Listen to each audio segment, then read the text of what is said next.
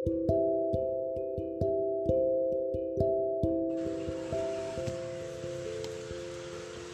pasti pernah ya berdebat tentang suatu hal yang kadang nggak perlu didebatkan nggak perlu namanya silang pendapat. Untuk apa? Debat itu sebenarnya untuk apa sih?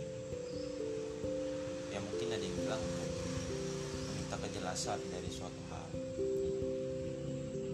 Apalagi kalau sains itu kan ilmunya berkembang.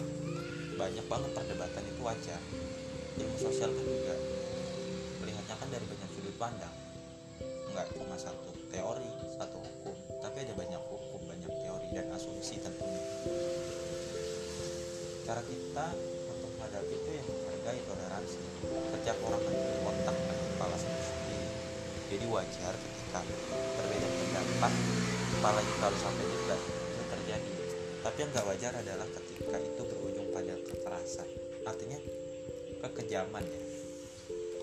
Sampai ke dukun sampai bunuh orang sampai melonggarkan hubungan silaturahmi. Itu yang nggak bagus tapi ketika debat itu nggak menyelesaikan masalah artinya debat kusir cuma muter-muter aja di situ. Kita pasti pernah kan debat cuma muter-muter aja. Nggak ada solusi nggak ada titik akhir titik temu. Semuanya merasa benar sendiri. Merasa pengen dihargai tanpa mau menghargai pendapat orang ya udah bubar semua. Masalah ada malah makin rumit solusi nggak ada. Di hati juga udah nggak enak. Mau udah hambar rasanya. Makanya bisa mungkin kita itu kalau emang berbeda pendapat ya udah debatlah secara baik. Cara baik maksudnya yang gak usah muter-muter fokus pada solusi. Solusinya apa? Mau solusi kayak gimana? Solusi tempat apa?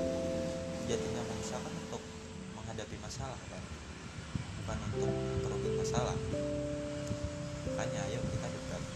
cara baik apabila dibutuhkan